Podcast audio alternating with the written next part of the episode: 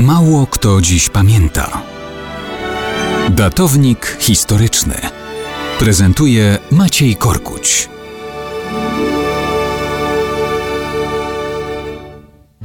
Mało kto dziś pamięta, że 29 stycznia 1944 roku oddziały leśne pod dowództwem Gienrikasa Zimanasa i Jakowa Prenera dokonały masakry mieszkańców wsi Koniuchy na Wileńszczyźnie.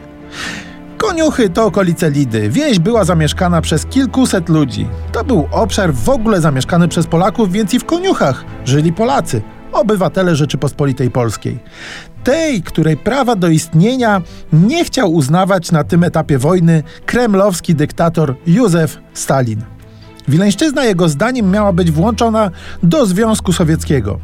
Miejscowe sowieckie oddziały leśne już od wielu miesięcy otrzymywały rozkazy bezwzględnego zwalczania polskiej partyzantki, oddziałów Armii Krajowej nazywanych przez Rosjan polskimi legionami.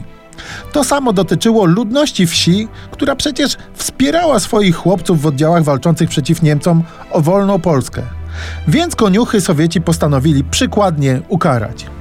Zbrodniczą akcję przeprowadził dowódca tamtejszej sowieckiej partyzantki Genrika Zimanas.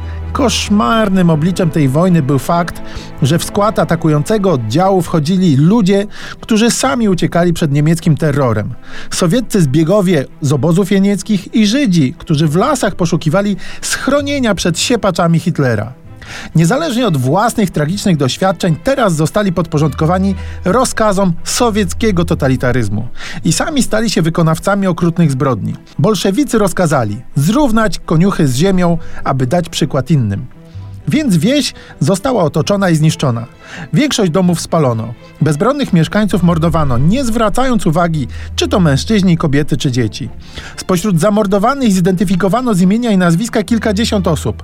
Sowieci w ten sposób pokazali, kto na tych terenach będzie rządził. Komunista Ginryka Zimanas przeżył w spokoju aż do lat 80.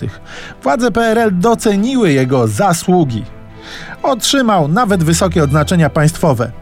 Cóż, zbrodniarze nagradzali zbrodniarzy.